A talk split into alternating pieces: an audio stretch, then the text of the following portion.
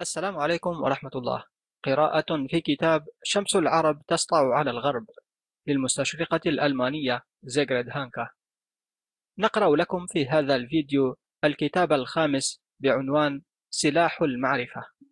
الكتاب مقسم إلى مجموعة من الفصول، يمكنك الانتقال للفصل المطلوب مباشرة عن طريق الضغط عليه من داخل مربع الوصف. عزيزي متابع قناة كتب وروايات عبد الباري الطشاني الآن يمكنك دعمنا للاستمرار في تقديم المزيد ولتحسين جودة المحتوى سواء على بيبال أو يمكنك الاشتراك معنا على منصة باتريون التي نشارك فيها معك محتوى حصريا. كما لا تنسى متابعتنا على منصات التواصل الاجتماعي. وللاستماع للكتب مباشرة تابع البودكاست الخاص بنا. ستجد كل الروابط بالوصف بالأسفل. الفصل الأول. المعجزة التي حققها العرب. نحن الآن في سنة ألف للميلاد.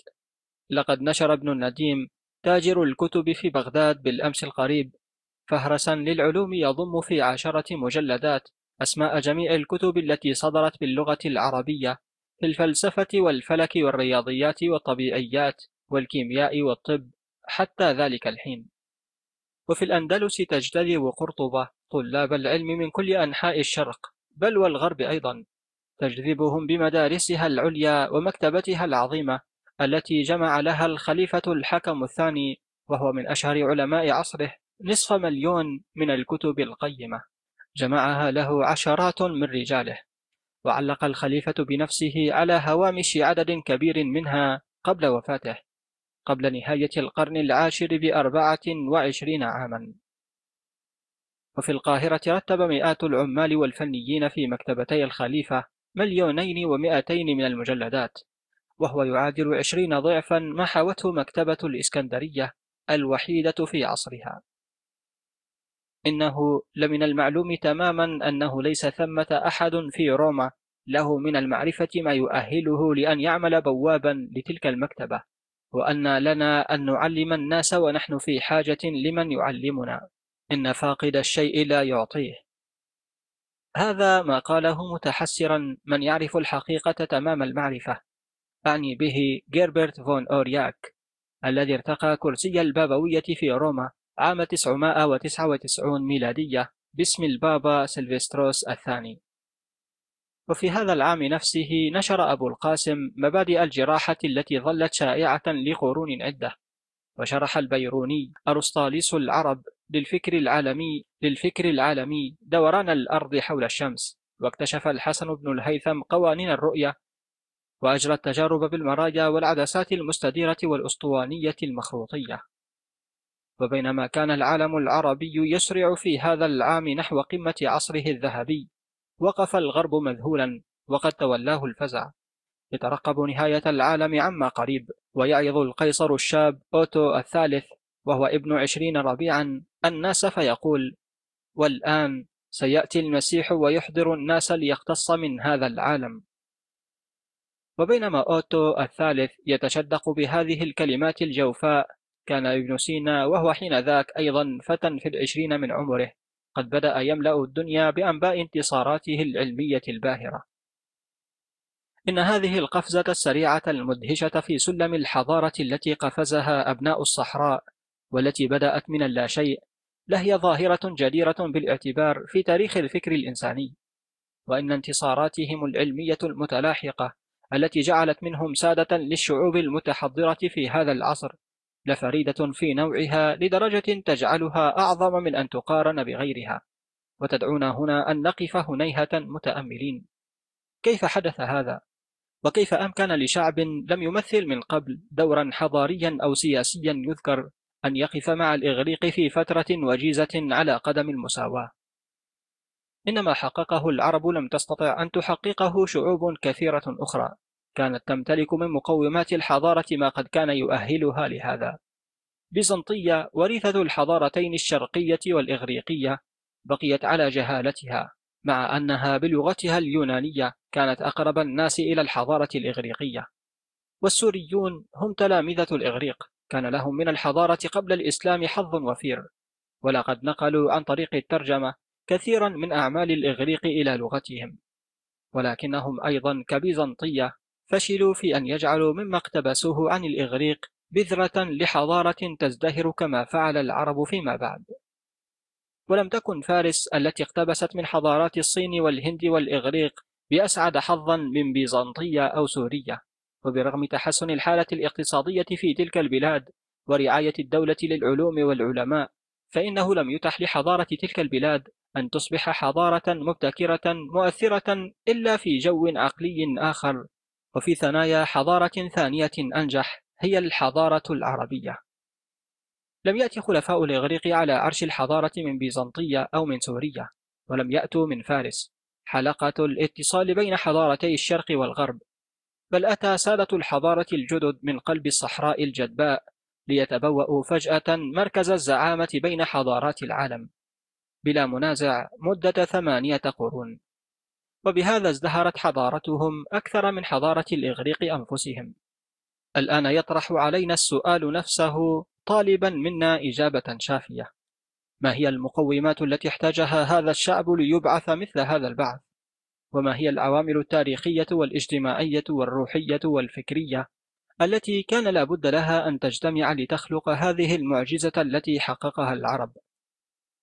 إن انتصارات العرب وفتوحاتهم التي لا تقارن قد خلقت لهم عالما ثبت أقدامهم فخلقوا بذلك آخر موجة قوية للهجرة عبر حدود الصحراء إلى البلاد الخصيبة المجاورة. تلك الهجرات التي بدأت وتكررت متوالية على مر التاريخ. قبل الإسلام كان تحطيم سد مأرب عام 542 ميلادية ونضوب منابع المياه في الجنوب العربي قد دفعا القبائل للهجرة وزج بهم الصراع الناشب بين أكبر دولتين في ذلك العصر نعني فارس وبيزنطة إلى الانتشار في أقطار بعيدة. ولم يكن أولئك العرب بقطاع طرق أو قتلة كما يصورهم بعض المؤرخين المعادين للعرب على غير حق. ثم جاء الإسلام فجمع هذه القبائل المتنازعة المفككة. ثم جاء الإسلام فجمع هذه القبائل المتنازعة المفككة ليجعل منها في سنوات قلائل شعبا عظيما. آخت بينه العقيدة وربطت عناصره المحبة. فتهافتوا جميعا على مناصرة الدين الجديد وتناسوا خلافاتهم وساروا طرا يدا واحدة. يحدو كل فرد منهم أمل باسم مشرق في أن تكتب له الشهادة في سبيل الله. وبهذا الروح القوي الفتي شق العرب طريقهم بعزيمة قوية تحت قيادة حكيمة وضع أساسها الرسول بنفسه محمد صلى الله عليه وسلم. وظلت دائما مسؤولة أمام الحكومة المركزية مباشرة. فكان النصر للعرب على أعدائهم المتفوقين عليهم في العدد والعتاد. أوليس في انتصاراتهم السريعة المتلاحقة أكبر دليل على أثر ذلك الروح الجديد الذي سرى بينهم؟ أوليس في هذا الإيمان تفسير لذلك البعث الجديد؟ وعندما توفي الرسول صلى الله عليه وسلم عام 632 ميلادية كانت الجزيرة العربية قد توحدت سياسيا ولم يأتي عام 635 ميلادي إلا وقد هزم الجيش البيزنطي وبعد عامين فقط وفي معركة واحدة تقوضت دعائم دولة الفرس وهدت إمبراطوريتهم.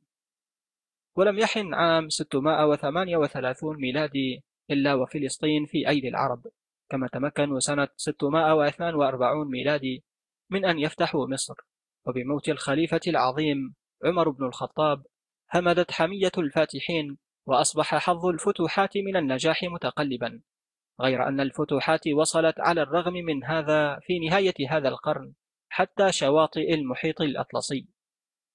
وفي عام 711 ميلادية وبينما راية الإسلام ترتفع في بلاد الهندوس هاجم المسلمون إمبراطورية القوط الغربيين في إسبانيا وبرغم تفوق أعدائهم العددي فقد استبسلوا في القتال وفتح الحقد على سالب العرش رودريك والمقاومة الدائمة للعبودية المائلة من أيام الرومان باب إسبانيا على مصراعيه للعرب.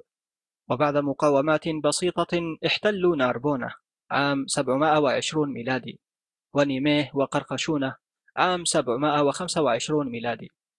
وتقدموا في اتجاه الرون وبوردو ولم يقف في طريق توسعهم في القارة الأوروبية ثمة إلا شارل مارتل الذي هزمهم في تور وبواتيه بيد أنه لم يستطع برغم هذا أن يطردهم نهائيا من إمبراطوريته. فلقد بقي العرب في ولايات الألب الغربية حيث بذروا بذور حضارتهم ما يقرب من مئة عام. بل إنهم تقدموا في منتصف القرن العاشر في أنجادين بعد أن استنجد بهم هوغو ملك لومبارديا.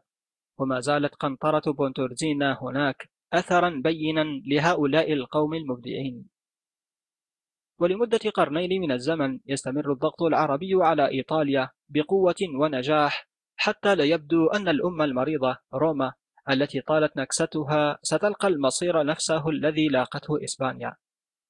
وفتح العرب صقلية وأتبعوا ذلك بفتحهم لأبوليا وكالابريا. وظلوا يهددون روما والبندقية برغم قوتها زمنا طويلا. بل لقد ظلوا حتى عام 915 ميلادي بنجاح يتفاوت من فترة لأخرى سادة لجنوب إيطاليا وجميع جزائر غربي البحر الأبيض المتوسط. وأصبح البحر المتوسط نفسه بحرا عربيا فيما عدا الجزء الشرقي منه الذي احتفظت به بيزنطية. وبهذا انتهى عصر عظمة الإمبراطورية الرومانية الشرقية التي أصبحت بعد فقدها لأهم ولاياتها مصر وسوريا كالرجل المريض المجهد الذي حطمته الأحداث. ولعل من أهم عوامل انتصارات العرب هو ما فوجئت به الشعوب من سماحتهم. حتى إن الملك الفارس كيروس نفسه قال إن هؤلاء المنتصرين لا يأتونك مخربين. فما يدعيه بعضهم من اتهامهم بالتعصب والوحشية؟ إن هو إلا مجرد أسطورة من نسج الخيال تكذبها آلاف من الأدلة القاطعة. عن تسامحهم وإنسانيتهم في معاملاتهم مع الشعوب المغلوبة. والتاريخ لا يقدم لنا في صفحاته الطوال إلا عددا ضئيلا من الشعوب التي عاملت خصومها والمخالفين لها في العقيدة بمثل ما فعل العرب. وكان لمسلكهم هذا أطيب الأثر مما أتاح للحضارة العربية أن تتغلغل بين تلك الشعوب بنجاح لم تحظى به الحضارة الإغريقية ببريقها الزائف ولا الحضارة الرومانية بعنفها في فرض إرادتها بالقوة. صحيح أن هذه الإمبراطورية العربية قد انقسمت بعد مدة وجيزة من الزمن إلى دويلات لكن ذلك لم يكن ليمنع الحضارة العربية ذات المحتوى الخاص والمعالم المميزة من أن تفرض سيطرتها على تلك الشعوب المتباينة في مصر وإسبانيا والعراق وغيرها. أوليست هذه معجزة تضاف إلى المعجزات التي حققها العرب؟ لقد كانت تلك الشعوب وحضاراتها في خريف العمر ولم يعد بالإمكان وقف انهيارها خاصة وقد عمل رجال الدين والكهنة المسيحيون على مقاومة تلك الحضارات الوثنية غير المسيحية ولو لم يخلق أبناء الصحراء في زمن وجيز من هذه البقية الباقية من بصيص النور الواهن المشرف على نهايته شعلة وضاءة لأدركت تلك الحضارات نهايتها الحتمية ولكن أولم يحدث مثل ذلك للبقية الباقية من حضارات شمالي البحر المتوسط دون أن يكون له مثل النتيجة التي كانت لتدخل العرب؟ بل بالعكس إذ يمكن القول بأنه كان من نتيجته حلول الظلام الدامس على تلك الربوع وترعرع الجهالة الحمقاء فيها. قناة كتب عبد الباري الطشاني على اليوتيوب. الفصل الثاني. الغرب يسير في طريق مظلم. لقد حكم على حضارة الإمبراطورية الرومانية منذ أيام هانيبال بالزوال بعد أن حمى توسع الإمبراطورية هذا زوال تلك الحضارة إلى حين. وما إن أدرك الهذال الإمبراطورية الهرمة حتى انسدل عنها ذلك الثوب الفضفاض البراق الذي استعارته من أختها الحضارة الهيلينية وكانت عوامل الانحلال والتأخر الداخلية قد قادتها في الطريق إلى الهاوية فلم يحطم تيار الجرمان حين اكتسحها إلا حضارة كانت بالفعل قد زوت وأصبحت مهيئة للسقوط. ساعد على ذلك ميل الطبقة الحاكمة إلى العلم والتعليم. وكذلك كان هدف المسيحية الجديد الذي منحته للفكر قد قلل من قيمة العلم والمعرفة والبحث. تلك الاصطلاحات التي لم تجد في روما يوما ما وطنا حقيقيا يرعاها. ولو لم يبعث الشعب العربي الموهوب في حضارات البحر المتوسط روحا جديدا لاندثرت تلك الحضارات تماما كما حدث لحضارات المايا والإنكا. قبل العرب بمائتي سنة أتيحت للغرب فرصة إعادة بناء حضارته على ما تبقى له من أنقاضها. وبرغم هذا فإن عشرة قرون كاملة قد مرت قبل أن يتمكن من أن يخلص نفسه من زمرة الشعوب المتأخرة. لقد كانت تلك الفرصة التي تيسرت له تبشر بنجاح كبير لو أحسن استغلالها. فلأول مرة تحول انحدار الحضارة الغربية السريع نحو الهاوية إلى تطور يبشر بالخير والازدهار. وكان ذلك خلال الاثنين والثلاثين عاما التي حكمها ثيودريك الأكبر العادل المستنير. ففي عهده ارتفعت فجأة أسهم الحضارة بشتى مظاهرها فعادت الحياة إلى مدارس قصر القيصر الخاوية بل وازداد عددها ودرست أعمال أبو قيراط وجالينوس في محاضرات عامة وعمل المتعلمون من القوط في الطب والطبيعة والفلك. وبعد موت الملك استمرت هذه الحركة العلمية في سيرها ويعلل أثالريك حفيد تيودوريك تحمسه للعلم فيقول إذا كنا نرعى المهرجين بغية لهونا أليس من واجبنا كذلك أن نرعى المعلمين لتثقيفنا؟ وبدا كما لو كان هذا العصر فترة النقاهة التي تمر بها الحضارة الغربية بعد مرضها الطويل وأنها عما قريب ستستعيد سابق مجدها وهذا هو ما كان يمكن أن يحدث لو لم يحطم هذا البرعم الذي لم يتح له بعد أن يتفتح وتشاء مهازل القدر أن يكون تحطيمه على يد الحملات التي بعثتها بيزنطية. ولم يبق من هذا الغرس على قيد الحياة إلا فرع ضامر أوصى كاسيودور مستشار الملك به الآباء البندكتيين في أديرتهم آملا أن يرعوه.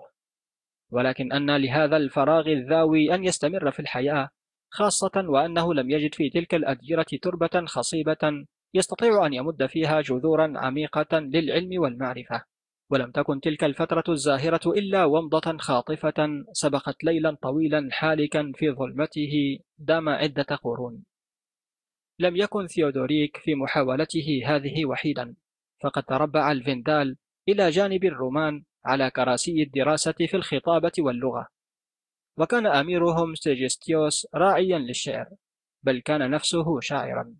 وكذلك كتب شيلبريش ملك الفرنجة قصائده باللغة اللاتينية. وقرأ لفرجيل وشيشرون وقرأ لفرجيل وشيشرون. وكان عدد من ملوك القوط الغربيين أيضا أدباء يرعون الآداب ويعنون بها. وفي كل مكان حاول الجرمان خلق أدب لهم. وقد وجد بين القوط الغربيين والفرنجة في الحكومة ودوائر الإدارة بل وفي الأوساط التجارية متعلمون يجيدون القراءة والكتابة والحساب والقانون. كما ظهرت نزعة علمية قوية بين اللومبرديين الذين كانوا أول من تخلص من سلطة رجال الدين فيما بعد وحملوا مشعل الحضارة الغربية في فجر ظهورها. لقد باءت كل تلك المحاولات بالفشل الذريع لأن الإمبراطورية الرومانية كانت منذ زمن بعيد قد أصبحت إمبراطورية مسيحية. ولقد أعلن أغسطينوس صراحة سيادة القرى الدينية على ما عداها. وبدأت روما تنشر مذهبها الجديد في جميع أنحاء الإمبراطورية عن طريق مبعوثيها ولم يضمحل شأن الدراسات واللغة الإغريقية في بلاد الغال وبريطانيا إلا نتيجة لمجهودات مبعوثي روما للقضاء على حضارة الكفار غير المسيحيين حتى أنها قضت على ما كانت هي نفسها قد اقتبسته عنهم. وأعلن الأب إيرونيموس أن الفكر الإغريقي لعنة على البشرية. وقد ترجم الإنجيل إلى اللاتينية ليطرد من الأذهان ذكر هوميروس وفرجيل لقد أصبح استخدام العقل للبحث في الطبيعة وعجائبها بدلا من الاهتمام بتعاليم الديانة الجديدة وأبحاثها. ينظر إليه على أنه إساءة لاستخدام القوى التي منحنا إياها الله. ويدعم الأب لاكتانتيوس هذا الرأي قائلا لو كان هناك احتمال للوصول إلى الحقيقة عن طريق البحث والدراسة لكنا قد توصلنا إليه من زمن بعيد وبما أنه لم يتوصل إليها برغم ما ضاع في سبيل ذلك من وقت وجهد. فمن الواضح الجلي إذن أن الحكمة والحقيقة لا وجود لهما. وكما شاد المسيحيون الكنائس من أعمدة الآثار القديمة ومراقيها فقد اتخذوا كذلك مما تبقى من فلسفة وعلم مادة لخدمة أهداف الديانة. فالطريق الوحيد لتطهير الروح هو طريقها إلى الله. والضلال هو البحث عن الحقيقة في غير الكتاب المقدس والتفكير والتمحيص في أمور دنيوية. وكان أكبر دليل مؤلم على هذا التفكير الغريب أعملة الدخان وألسنة اللهب التي اندلعت فوق الإسكندرية كنز المعرفة الإغريقية على مر العصور والتي أصبحت حينذاك مركزا للكنيسة المسيحية إلى جانب روما. احمرت السماء بنيرانها فوق دلتا النيل وحرقت نفائس ثمينة لا تعوض من الشعر والأدب والفلسفة والتاريخ والعلم والثقافة الإغريقية. حرقتها وأبادتها جموع من المسيحيين المتعصبين. لقد ذهب جزء هام من المكتبة قبل ذلك عام 48 قبل الميلاد طعمة للنيران أثناء حصار يوليوس قيصر. ولكن كليوباترا عوضت هذه الخسائر من مكتبة برجمون. وفي القرن الثالث الميلادي بدأت تبرز التخريبات المبيتة ضدها فأغلق أحد البطاركة المسيحيين مدرسة متحف الإسكندرية وطرد طلابها وفي أيام حكم القيصر فالينس حول المتحف إلى كنيسة وسلبت مكتبته وطورد فلاسفته بتهمة السحر والشعوذة. وفي عام 381 ميلادي استصدر البطريرك تيوفيلس من القيصر ثيودوسيوس إذنا بتخريب السرابيون. أكبر ما تبقى من الأكاديميات وآخرها وإشعال النيران في مكتبته الثمينة. وبهذه الطريقة فقدت البشرية جزءا هاما من ثقافتها لا يمكن تعويضه. لم تنتهي أعمال المتعصبين من المسيحيين عند هذا الحد بل ظهرت نزوات الشباب الطائش في كل وقت. فإن صديقا لبطريرك أنطاكيا سيفروس أعلن دون خجل أنهما في صدر شبابهما كأعضاء في رابطة مسيحية في الإسكندرية في القرن الخامس قد كافحا المتعلمين من الكفرة وهاجما مراكز عبادتهم فحطما صور آلهتهم وبعثروا أثاثها. وهكذا اختفت مراكز الحضارة الإغريقية واحدا إثر واحد وأقفلت آخر مدرسة للفلسفة في أثينا عام 529 ميلادي وأحرقت في روما عام 600 ميلادي مكتبة البلاتين. وهدم ما تبقى من آثار أبنية القدماء.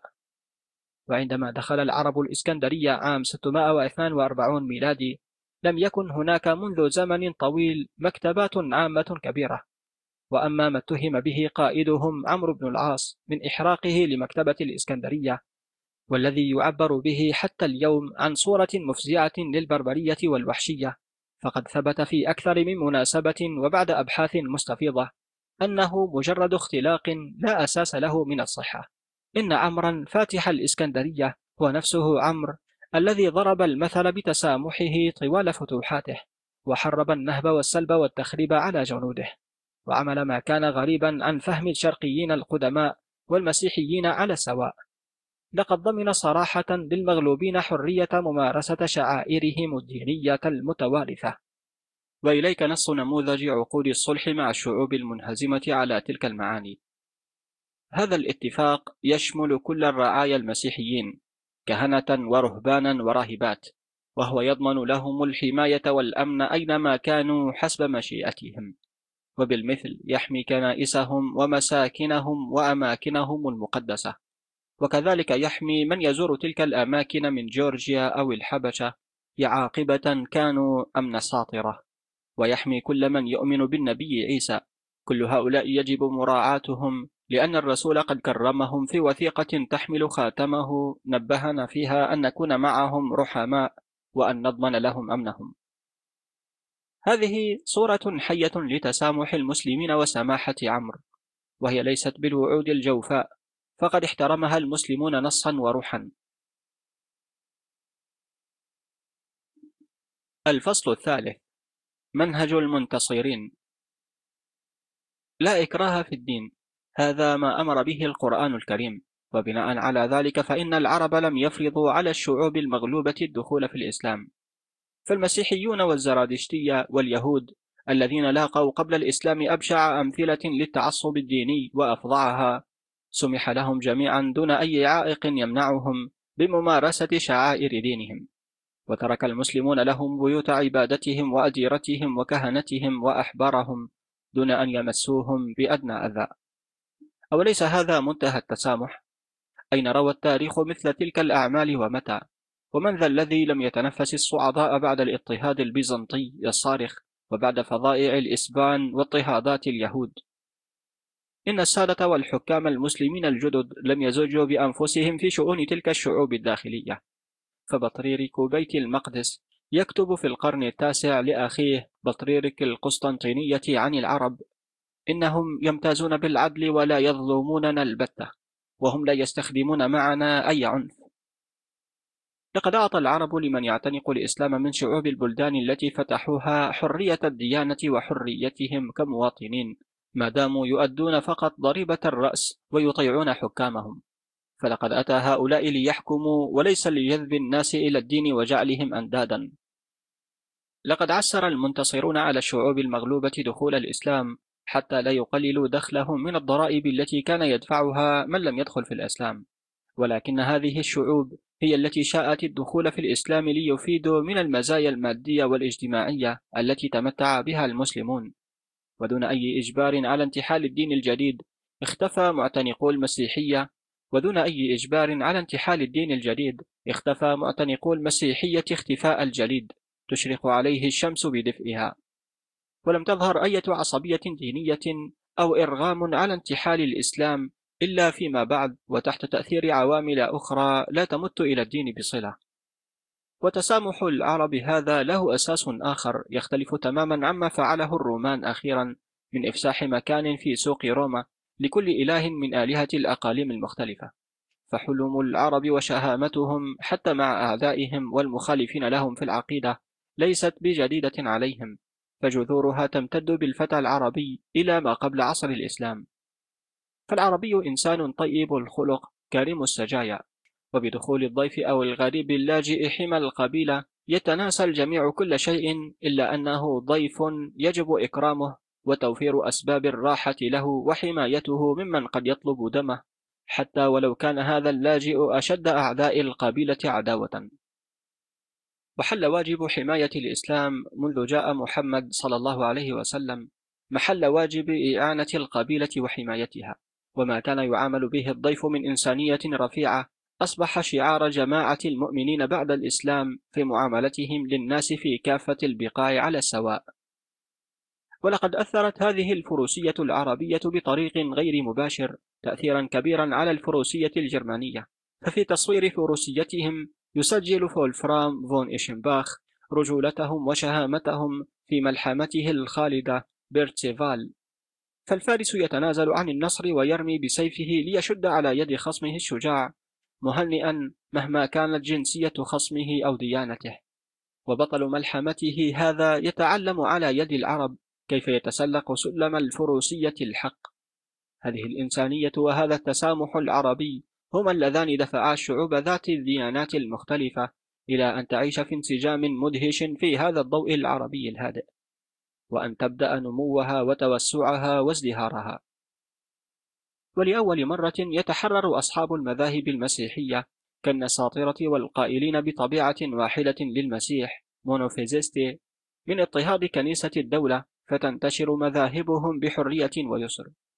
وكما تميل الزهرة إلى النور ابتغاء المزيد من الحياة هكذا انعطف الناس حتى من بقي منهم على دينه إلى السادة الفاتحين.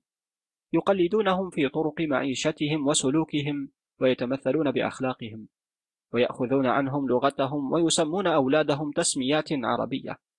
وبمرور الوقت يصير ملبسهم ومعيشتهم وسلوكهم عربيا حتى أن الطبيب من بعلبك والتاجر من الموصل وطالب الفلسفة من غرناطة لا يلتقون في سوق القاهرة أبناء شعب واحد لا يستطيع أحد أن يفرق بينهم. لم يكن ثمة إكراه من سلطة يدخل بين هذا وذاك ولكنها الحاجة دفعتهم إلى هذا التشبه الكامل ليدخلوا في عالم أولئك العرب. وكان المسيحي أو اليهودي يشعر بالفخر والعزة إذا حمل اسما عربيا ما وسعه الشعور فيما عدا أسماء المؤمنين المميزة كمحمد وعبد الله. مع أن هذا التقليل شاع على الرغم من عدم ارتياح المسلمين لانتهاك حرمة أسمائهم المقدسة. ومع أن الشعوب في البلدان المفتوحة فيما عدا البربر والإسبان كان لها حضارات ومدنيات متوارثة فقد كان للسيد العربي في نظر أغلبهم إذا استثنينا المتعلمين من الفرس المعتدين بأنفسهم مكانة سامية. فلقد سحرهم العربي بأصالته وملاحة وجهه ولطف حديثه فشرفه وكرامته المتوارثة أجبراهم على اتخاذه مثلا أعلى يحتذونه بل ويتشوقون إلى مثل مكانته الاجتماعية بمعنى أن يصبحوا عربا مثله. واستطاع العربي بإيمانه العميق أن يكون أبلغ سفير وداعية لديانته. لا بالتبشير وإيفاد البعثات وإنما بخلقه الكريم وسلوكه الحميد. فكسب بذلك لدينه عددا وفيرا لم تكن أية دعاوة مهما بلغ شأوها لتستطيع أن تكسب مثله. وكان من الواجب على كل من يعتنق الإسلام عن اختيار ورغبة أن يقرأ كتاب الله ويتلوه. وأن يكتب ويتكلم لغة القرآن التي هي لغة السادة الفاتحين ولغة شعراء العرب الأقدمين. وبهذه المناسبة وجب علينا أن نتنبه إلى أن متكلمي هذه اللغة لم يكونوا هم الطبقة الحاكمة القليلة العدد فحسب. فطوال قرون عديدة من غير توقف توالت هجرات العرب من الصحراء يتبعون الطرق التي سلكها الفتح الإسلامي على شكل موجات متلاحقة من البدو وصلت حتى شمال إفريقيا بل حتى صقلية وإسبانيا.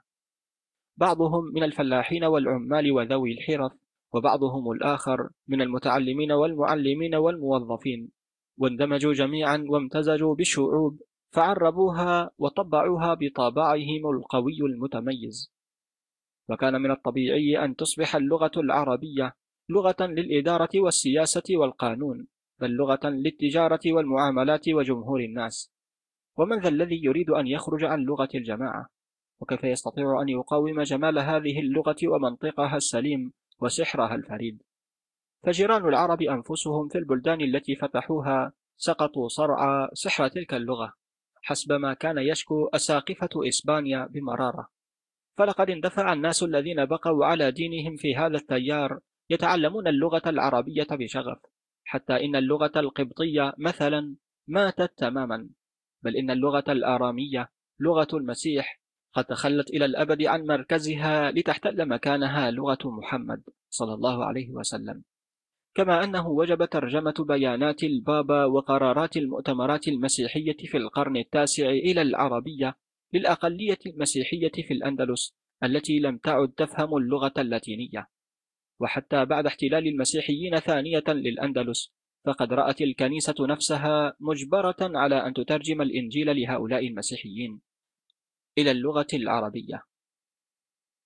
وهكذا تحولت لغة قبلية في خلال مئة عام إلى لغة عالمية. ليست اللغة ثوبا نرتديه اليوم لنخلعه غدا. لقد وجدت اللغة العربية تجاوبا من الجماعات وامتزجت بهم وطبعتهم بطابعها. فكونت تفكيرهم ومداركهم وشكلت قيمهم وثقافتهم وطبعت حياتهم المادية والعقلية فأعطت للأجناس المختلفة في القارات الثلاث وجها واحدا مميزا. حتى السلاجقة والأتراك والمماليك والتتار عندما وصلوا إلى الحكم ظلوا بقلوبهم رعايا مخلصين للثقافة العربية ولغتها بل ولأساليب الحياة العربية وفكرها. حقا إن قدرة هذه العقلية العربية على طبع الشعوب لرائعة. لم يكن لأي شاعر عربي صميم أن يعبر عن الكيان العربي أجمل مما عبر عنه الفيلسوف القوطي الأصل ابن حزم صاحب قصائد الغزل. وأغلب ما أهداه أدباء الفرس للأدب العربي من أعمال عظيمة لا يقل أصالة عما يستطيع أن يكتبه عربي من الجزيرة. والأديرة المسيحية في سوريا التي كادت أن تمنحي في عصر الحكم المسيحي وصلت إلى ذروة عظمتها في الدولة الإسلامية أوليس هذا بغريب؟ والحضارة الفارسية لم تكن لتخرج للوجود على يد الرازي وابن سينا مثلا لو لم تمنحها الحضارة العربية طاقات جديدة ممتازة وتماما كما اجتمعت كتب المسلمين والمسيحيين واليهود على رفوف مكتبات العرب متحابة تخدم الجميع على اختلاف معارفهم وعقائدهم في بناء النهضة العلمية وبروح التسامح العربي نفسه. لم يخجل العرب أن يدخلوا مدارس غير المسلمين وأن ينهلوا من منابع المعارف الهندية أو الإغريقية الشيء الكثير. وهم في عملهم هذا لا يخالفون تعاليم الرسول محمد صلى الله عليه وسلم أبدا. قناة كتب عبد الباري الطشاني على اليوتيوب. الفصل الرابع طلب العلم عبادة.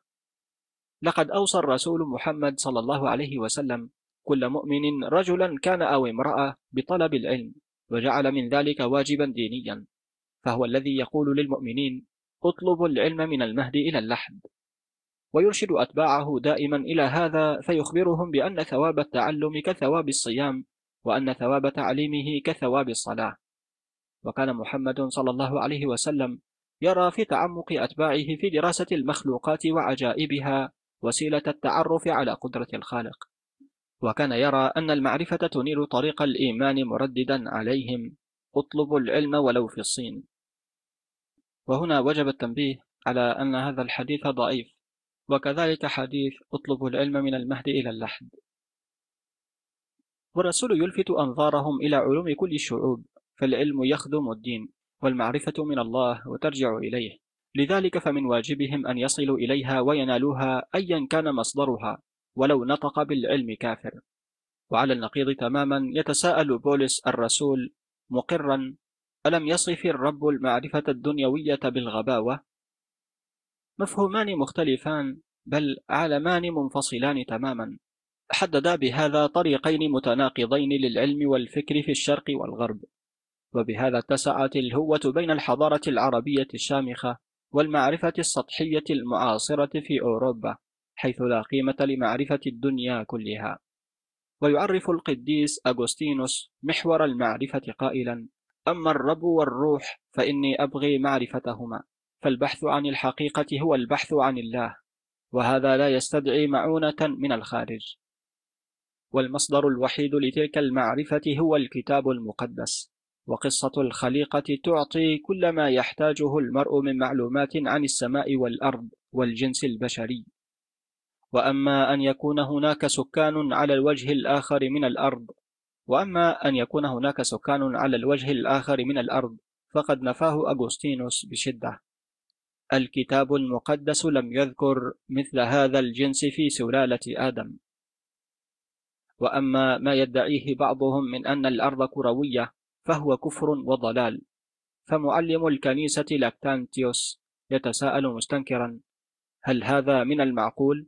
أيعقل أن يجن الناس إلى هذا الحد؟ فيدخل في عقولهم أن البلدان والأشجار تتدلى من الجانب الآخر من الأرض وأن أقدام الناس تعلو رؤوسهم. لقد كانت الأرض بالنسبة إلى بعض الناس تلا يدور الشمس حوله ما بين الشروق والغروب. وبالنسبة إلى الآخرين مسطحا تحيط به المحيطات. لقد قضي بهذا التفكير الساذج على تطور العقل البشري في العصور السابقة وعاد عصر الملاحظة البدائية والتفكير المشعوذ إلى الحياة من جديد. ملعون من يقتنع أو يقبل الآن تفسيرا علميا لحوادث الطبيعة. خارج عن طاعة الرب من يشرح أسبابا طبيعية لبزوغ كوكب أو فيضان نهر. بل لمن يعلل علميا شفاء قدم مكسورة أو إجهاض امرأة. فتلك كلها عقوبات من الله أو من الشيطان أو هي معجزات أكبر من أن ندرك كنهها. وإذا كانت القوى الدينية قد كرست جهدها للهدف الديني وأنشأت مدارس ضخمة للفلسفة التي تخدم مبادئ الدين مدارس تضارع في ضخامتها قباب تلك الكنائس إلا أنها قد هبطت بالمعرفة الدنيوية.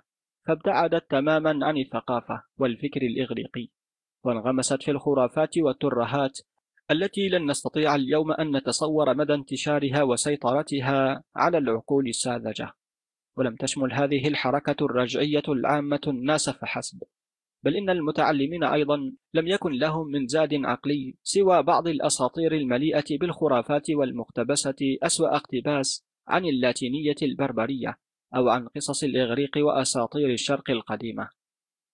وما وصلت إليه الكنيسة وكهنتها في المجال الديني لم يكن عامل إنقاذ للحضارة بل كان عائقا لها. لقد كانت أمامهم الفرصة تماما كالعرب بل إن فرصتهم كانت أكبر في أن يأخذوا التراث العظيم ويتطوروا به درجات في سلم الرقي. فقد كان في متناولهم عدد ضخم من نصوص القدماء. أكبر من أن يقارن بما استطاع العرب أن يتوصلوا إليه. وحتى القرن السادس الميلادي وجد في الغرب كثيرون ممن يجيدون اليونانية ولم يكن المتعلمون في القرون الأولى بأقل قدرة على ترجمة تراث القدماء وإعادة العمل فيه من مترجمي العرب في بغداد. ولكن الفكر الإغريقي ظل بالنسبة إليهم غريبا على الدوام. فحوالي عام 300 ميلادية علل أسقف قيصرية أوزيبوس ذلك المسلك لعلماء الطبيعة من الإسكندرية وبرجمون قائلا إن موقفنا هذا ليس جهلا بالأشياء التي تعطونها أنتم كل هذه القيمة وإنما لاحتقارنا لهذه الأعمال التي لا فائدة منها. لهذا فإننا نشغل أنفسنا بالتفكير فيما هو أجدى وأنفع. ويظل هذا التفكير العقيم سائدا لا يتغير فيتحدث بمثل هذا في القرن الثالث عشر القديس توما الأكويني فيقول إن المعرفة القليلة لأمور سامية أجل قدرا من معرفة كبيرة موضوعها أمور حقيرة. ولقد كان الفكر الإغريقي يمثل للمسيحيين شبحا ملعونا فلم يقتربوا منه بل حطموا جزءا كبيرا من تراثه وحرموا منه البشرية. حتى أن الغرب اضطر بعد صحوته أن يبدأ من جديد برغم أن الحضارات القديمة الهيلينية على الخصوص كانت قد وصلت في سالف أيامها إلى درجة كبيرة من الرقي. وأما ما تبقى في الأديرة من أعمال أدبية فقد كان أدبا تافها منقولا بلا فن ولا قدرة يهدف إلى تحقيق آمال متواضعة ولا أثر فيه للفكر الناضج الذي ذهب ضحية لنيران المتعصبين.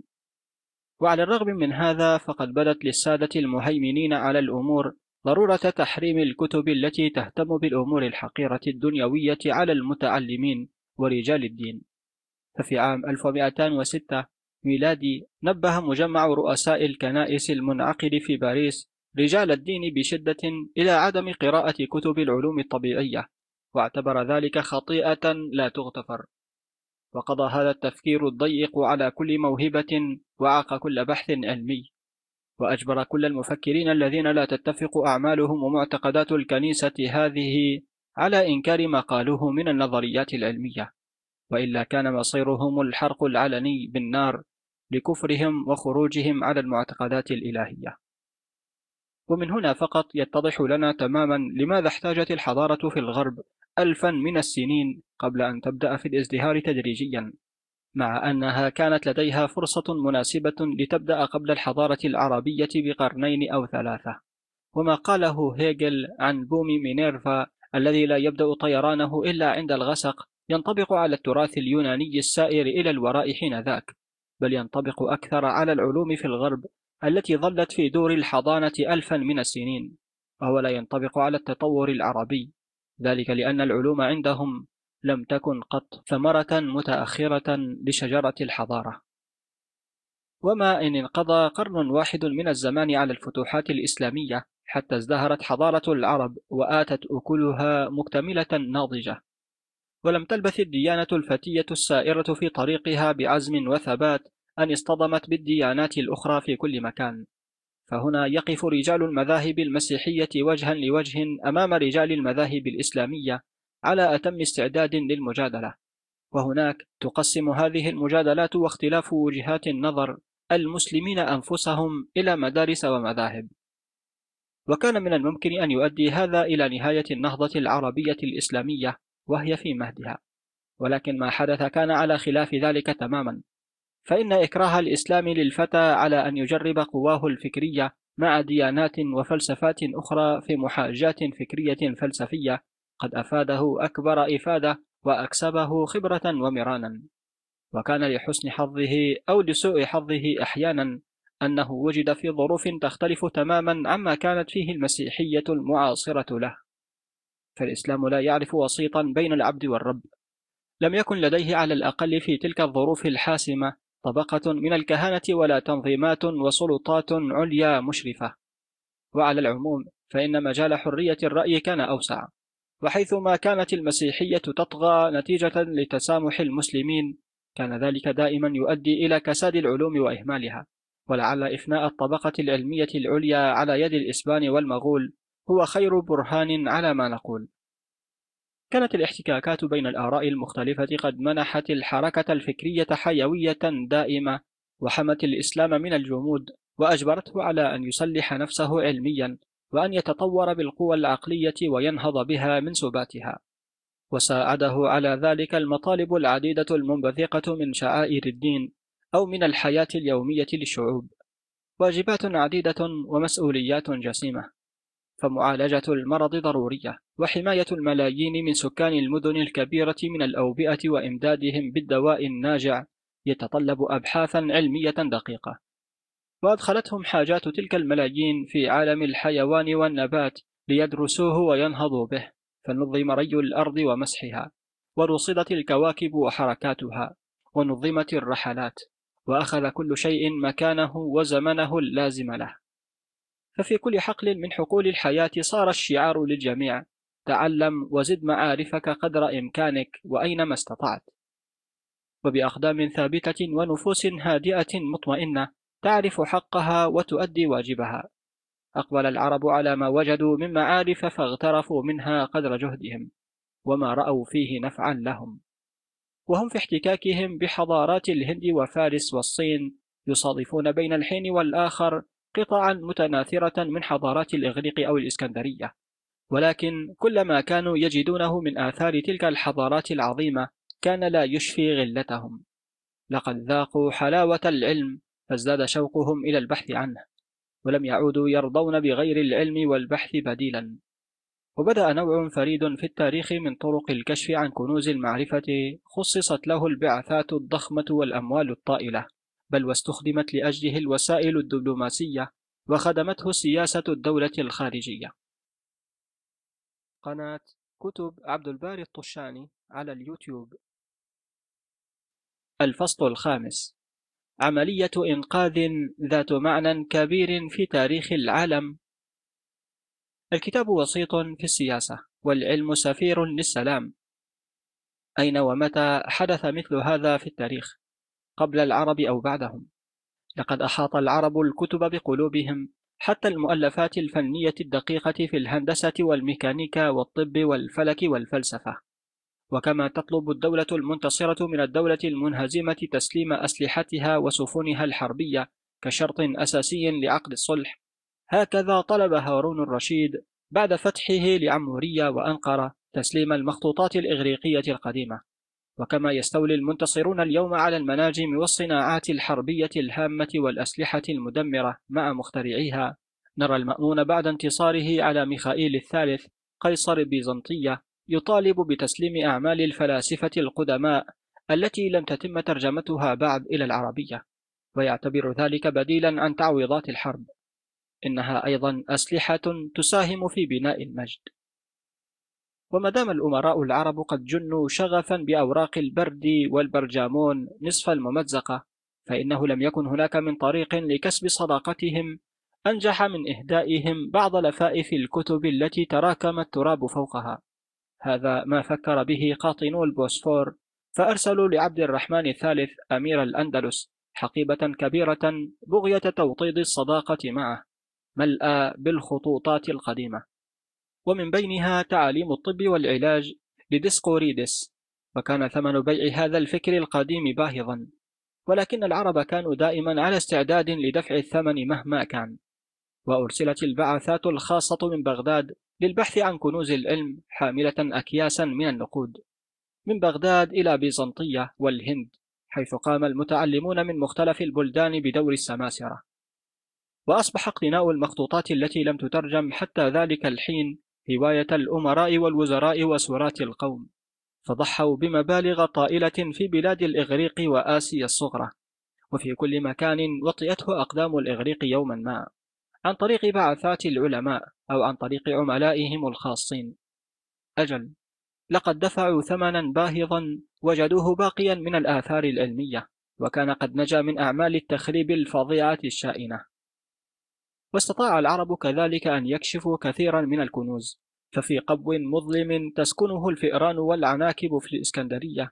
عثر القوم بين حجرين هائلين على كتاب في فنون الحرب كما عثروا على كتاب آخر في قدر مغلقة تحت جدران دير سوري وفي آسيا الصغرى وعلى مسير ثلاثة أيام من بيزنطية عثر أبو إسحاق بن شهرام على مكتبة ضخمة في معبد قديم كبير.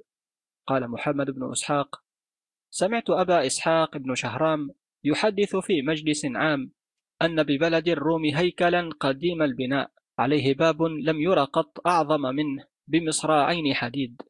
كان اليونانيون في القديم وعند عبادتهم للكواكب والأصنام يعظمونه ويدعون ويذبحون فيه.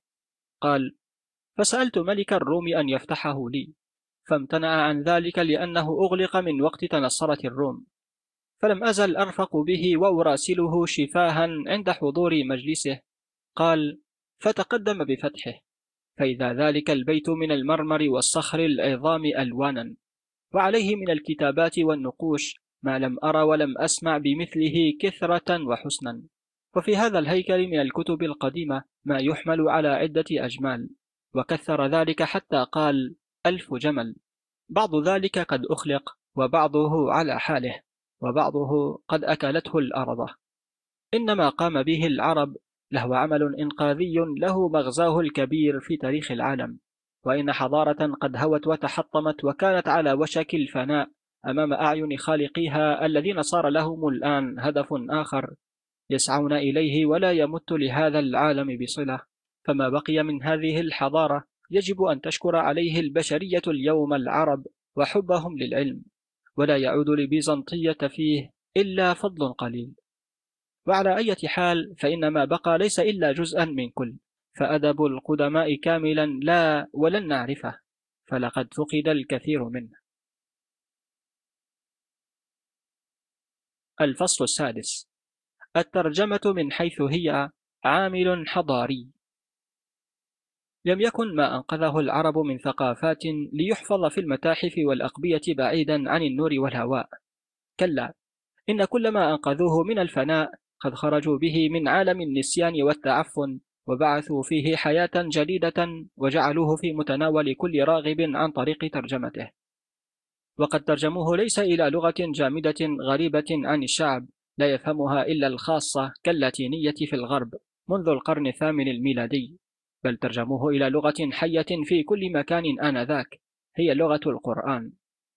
وكانت هذه الترجمة هي العماد الثاني الذي قامت عليه الثقافة العربية فكل مسلم يجب عليه أن يقرأ ويتلو القرآن بالعربية وكل مسلم يتعلم ويفهم اللغة.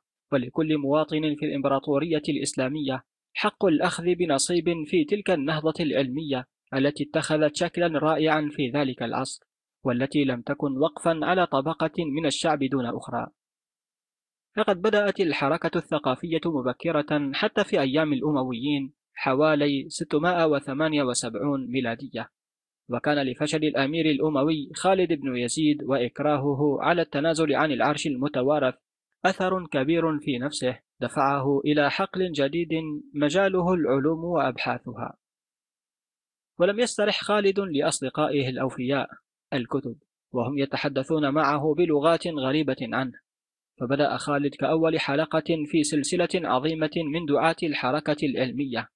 بدأ بدعوة المتعلمين من الإغريق والعرب من الإسكندرية وعهد إليهم بترجمة أعمال يونانية ومصرية إلى اللغة العربية. مصرا بذلك على أن يتعامل مع الثقافات المختلفة بلغته هو. وما بدأ به الأمير الأموي ليلهي به نفسه ويعزيها عن فشله في الوصول إلى العرش. قد جعل منه الخلفاء العباسيون في بغداد ميدانا كبيرا يخدم العقيدة والدين. فيأمر المنصور كما هو مسجل في كتاب العقد الفريد بترجمة كتاب الفلك السند هند من الهندية إلى العربية. وأن يؤلف على نهجه كتاب يشرح للعرب سير الكواكب. وفي الواقع إن الحكام العرب كانوا يعطون كل جهدهم لكل ما يرونه مفيدا ولم يكونوا ليعرفوا أنصاف الحلول. ولم تكن أعمال الترجمة لتلقى نجاحا أقل من النجاح الذي لاقته مجهودات جمع الكتب والمخطوطات. فإذا هارون الرشيد يدعو إلى بلاطه المتعلمين ومتقني مختلف اللغات ويعهد إليهم تحت إشراف يحيى بن ماسويه بترجمة كثير من الكتب العلمية المفيدة. وقد أسس المأمون ما نستطيع أن نسميه أكاديمية الترجمة وتبعه في أعماله خلفاؤه من بعده. وخصص أبناء موسى بن شاكر الثلاثة ريع أملاكهم الضخمة للترجمة وجمع الكتب فضربوا بذلك المثل لغيرهم. أمثال الطبيب قسط بن لوقا البعلبكي. ولعل حنين بن إسحاق هو أكبر مثل لهذا الكفاح الرائع من أجل بعث الفكر القديم وتراثه وكان أبوه صيدليا من قبيلة العباديين وكانت تسكن الحيرة المركز التجاري القديم في الفرات وعاصمة اللخميين العرب وملتقى طرق التجارة. وقصة حنين نفسه هي قصة الإذلال والانتقام. إن إيذاء فارسي متغطرس لفرد من العباديين دفع الشاب العربي إلى الجهاد والسعي من أجل الوصول إلى مكانة ثقافية رفيعة. والانتقام والثأر للكرامة. إن مسها أي أذى تدفع هذه الإمبراطورية الناشئة إلى أرفع الذرى. تبعد الحيرة عن بغداد حوالي ثمانين كيلومترا. وهذا حنين وقد بلغ الخامسة عشرة من عمره يتوق شوقا لرؤيتها. وهو يحتاج فقط كما أخبره رجال القوافل مئة مرة أن يعبر الفرات ويتحول شمالا ليصل إلى مدينة أحلامه على ضفاف دجلة. لقد ولد حنين في الحيرة عام 809 ميلادية. العام نفسه الذي توفي فيه هارون الرشيد. وكان للأوعية والأجهزة العلمية العديدة في معمل والده أثر كبير في توجيه تفكيره. فلم يعد يرضى أن يكون تاجرا كأمنية كل شاب في عصره ورأى في بغداد أمله ومحققة أمانيه. وذات يوم وقد تطورت الأمور وافق حسين مرشد القوافل أن يصحب معه حنين ابن تاجر العقاقير إسحاق إلى العاصمة مقابل أن يعطيه قنينة من مرهم الكافور. فوافق حنين وهو يكاد يطير فرحا ووصل الفتى الطموح لتتلقفه المدينة الكبيرة الزاخرة بعلمائها. وفي ذلك الوقت كان منزل الطبيب يحيى بن ماسويه الفارسي القادم من جنديسابور الذي عمل رئيسا للمترجمين في عصري هارون والمأمون. مقصد الخاصة في بغداد. فبدأ حنين بحماسة الشباب الغض يصغي إلى محاضرات ماسويه الأستاذ العالم المحبوب. ولم لا وحنين يريد أن يكون هو الآخر طبيبا. ولكن حنين لم يكن بالطالب المريح. فقد كانت أسئلته كالسهام تقطع سلسلة أفكار أستاذه. وكان ماسويه معروفا بنكاته التي تتندر بها الأوساط في المدينة. ولكنه كان مرهوب الجانب لسلاطة لسانه. وذات يوم ثار الأستاذ لمقاطعة حنين المتوالية له بأسئلته وصاح به اغرب عن وجهي من حيث جئت. إنك تستطيع أن تكون صرافا للنقود كبقية قومك في الحيرة. اترك مهنة الطب فهي ليست مهنة لعبادي. وترك حنين المنزل باكيا بمرارة. لقد كانت كلمات ما سويه تلهب ظهره كصفعات الصوت. وصمم في هذا اليوم أن يبرهن للجميع أنه يستطيع أن يجعل من نفسه طبيبا كما سويه كلا إن هذا لا يكفي فلا بد أن يصير أعظم مما سويه نفسه بل ولا بد أن ينظر إليه الرجل الذي جرح كرامته نظرة إجلال. ويسافر حنين إلى بلاد الروم وبلاد الإغريق ويتعلم اللغة الإغريقية في آسيا الصغرى حتى يتقنها بدرجة يستطيع بها أن يقرأ كتب كبار الأطباء الإغريق بنصوصها الأصلية. ويتم حنين إجادته للعربية ويتعلم إلى جانبها الفارسية على يد أمهر معلمي البصرة. أما الآرامية فقد كان يعرفها ويتحدث بها منذ طفولته. كان قد مضى عامان منذ ترك ابن الحيرة أبواب بغداد الذهبية وزار خليل ابن عبد الله أحد أصدقائه. وكان خليل هذا زميلا قديما لحنين في حلقات مساويه ورأى خليل عند صديقه رجلا غريبا ذا لحية سوداء متدلية يجلس متربعا على جلد خروف وهو مطرق لا يرفع بصره. ولم يكن خليل قد رأى هذا الشخص الغريب من قبل عند صديقه. ولم يكن قد صادفه قط في شوارع بغداد. فما كان من خليل إلا أن أهمل هذا الشخص الغريب واشترك في حديث طويل مع صديقه صاحب البيت. وفجأة ارتفع صوت الغريب بالغناء يشدر بأشعار إغريقية من أوديسا هوميروس فكشف الصوت صاحبه المتخفي. فلم يكن الشخص الغريب الدائم الإطراق إلا زميله القديم حنين بن إسحاق وصعق حنين لانكشاف أمره. ورجى زميله القديم ألا يفشي سر وجوده لأن مهمته لم تنتهي بعد. ولم يمض وقت طويل حتى صادف خليل حنينا للمرة الثانية.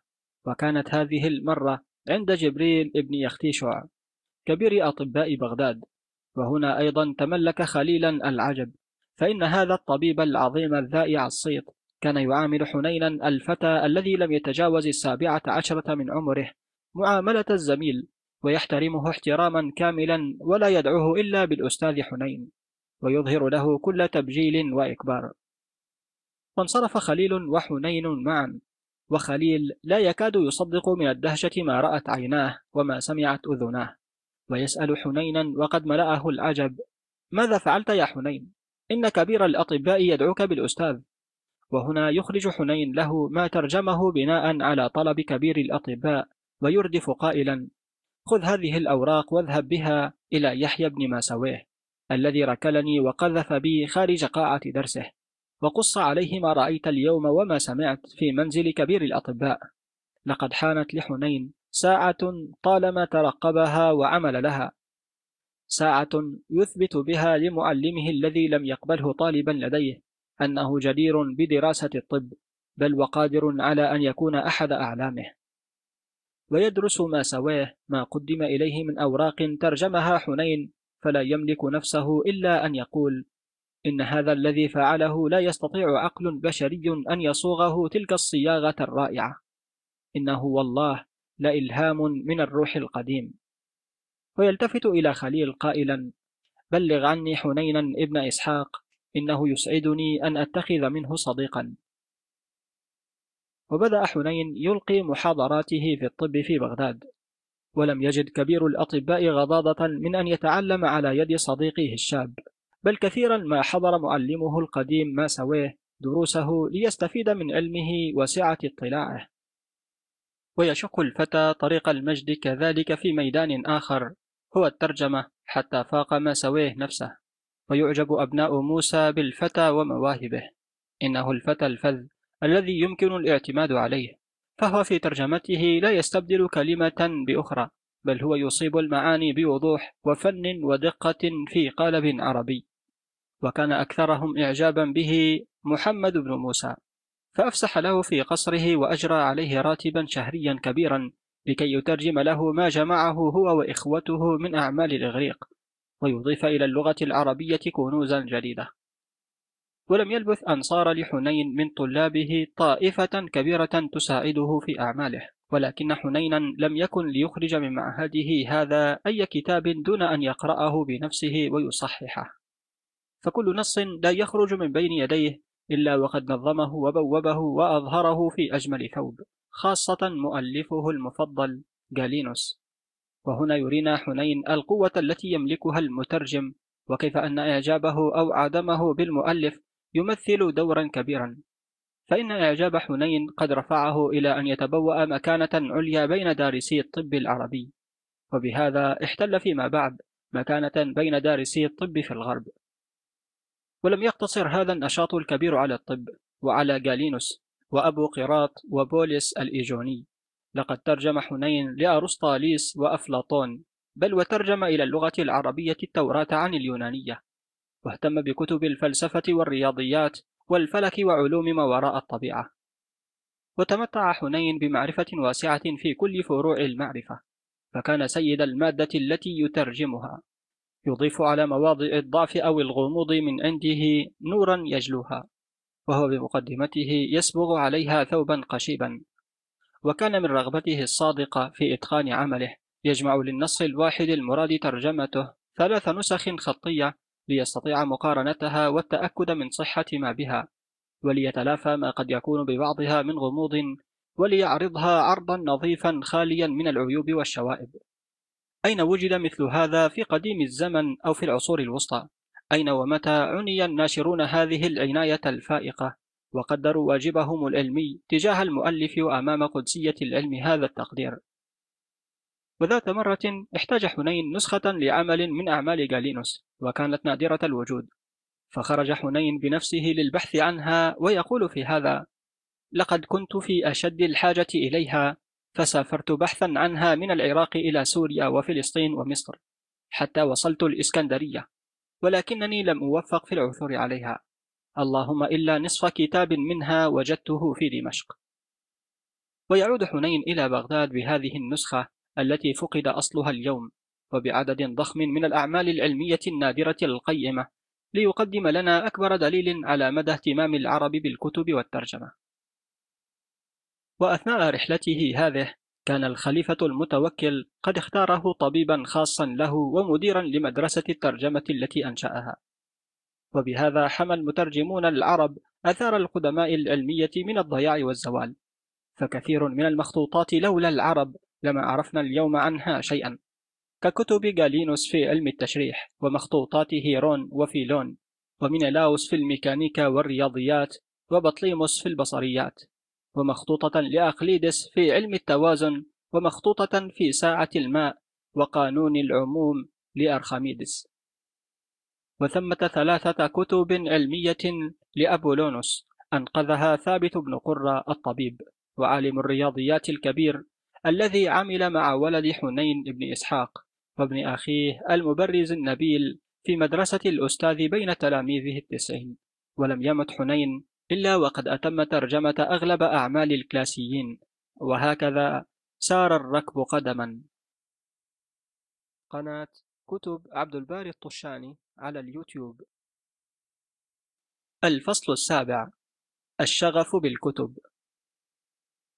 لقد أقبل العرب على اقتناء الكتب إقبالا منقطع النظير يشبه إلى حد كبير شغف الناس في عصرنا هذا باقتناء السيارات والثلاجات وأجهزة التلفزيون. بعد دمار الذي أصابهم إبان الحرب العالمية فحرمهم طويلا من متع الحياة. فأصبحت الكتب هي مطلب كل من يستطيع تحمل نفقات الحصول عليها. وأقبل الناس في البلدان العربية على اقتنائها بلهفة متزايدة لم يعرف لها التاريخ من قبل مثيلا. وكما يقاس ثراء الناس اليوم بمدى ما يملكون من عربات فاخرة مثلا قدر الناس في ذلك العصر الممتد من القرن التاسع حتى القرن الثالث عشر. الثراء بمدى ما يقتنى من كتب أو مخطوطات. ولم يكن الخليفة بتشجيع من وزرائه من البرامكة ليهدي الجماهير هدية تتفق مع مزاجهم أجمل من إنشائه مكتبة ضخمة في بغداد عرفت بدار الحكمة. ونمت دور الكتب في كل مكان نمو الشعب في الأرض الطيبة. ففي عام 891 ميلادي يحصي مسافر عدد دور الكتب العامة في بغداد بأكثر من مئة وبدأت كل مدينة تبني لها دارا للكتب. يستطيع عمرو أو زيد من الناس استعارة ما يشاء منها وأن يجلس في قاعات المطالعة ليقرأ ما يريد. كما ويجتمع فيها المترجمون والمؤلفون في قاعات خصصت لهم. يتجادلون ويتناقشون كما يحدث اليوم في أرقى الأندية العلمية. فمكتبة صغيرة كمكتبة النجف في العراق كانت تحوي في القرن العاشر أربعين ألف مجلد بينما لم تحوي أديرة الغرب سوى 12 كتابا ربطت بالسلاسل خشية ضياعها. ويحتاج تصنيف الكتب الموجودة في مدينة الري إلى عشرة فهارس كبيرة وكان لكل مسجد مكتبته الخاصة. بل إنه كان لكل مستشفى يستقبل زواره قاعة فسيحة صفت على رفوفها الكتب الطبية الحديثة الصدور. تباع لتكون مادة لدراسة الطلاب ومرجعا للأطباء يقفون منه على آخر ما وصل إليه العلم الحديث. ولقد جمع نصير الدين الطوسي لمرصده في مراغة أربعمائة ألف مخطوطة. وحذا حذو الخليفة في بغداد كل الأمراء العرب في مختلف أنحاء العالم العربي فأربت مثلا مكتبة أمير عربي في الجنوب على مئة ألف مجلد.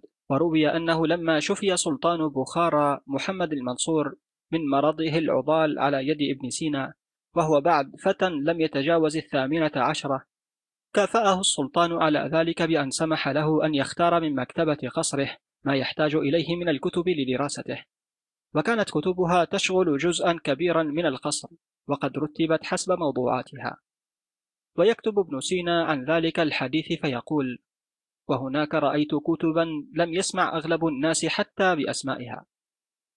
ولم يكد ابن سينا يغادر قصر السلطان حتى اشتعلت النيران فيه فقضت على هذه الكنوز العلمية. وتهامس أعداؤه وحساده قائلين إنه هو الذي أشعل النار فيها بعدما قرأها ليدعي فيما بعد أن ما عنده من علم إنما هو من أبحاثه الخاصة. ولا يستطيع أحد أن يقارن نفسه بالخليفة العزيز في القاهرة حتى خليفة قرطبة الذي بعث رجاله وسماسرته في كل أنحاء الشرق ليجلبوا له الكتب فيزيد روائع مكتبته. أن له أن يصل إلى ما فعله العزيز. لقد حوت مكتبة العزيز مليونا وستمائة ألف مجلد فكانت بذلك أجمل وأكمل دار للكتب ضمت ستة آلاف وخمسمائة مخطوطة في الرياضيات وثمانية عشر ألف مخطوطة في الفلسفة. ولم يمنع هذا قط ابنه من بعده حين اعتلى العرش من أن يبني مكتبة ضخمة فيها ثمانية عشرة قاعة للمطالعات إلى جوار المكتبة القديمة.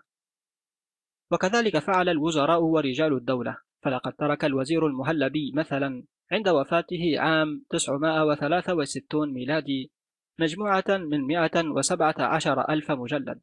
واستطاع زميله الشاب ابن عباد أن يجمع في مكتبته 206 ألف كتاب وجمع أحد قضاته مليونا وخمسين ألف مجلد.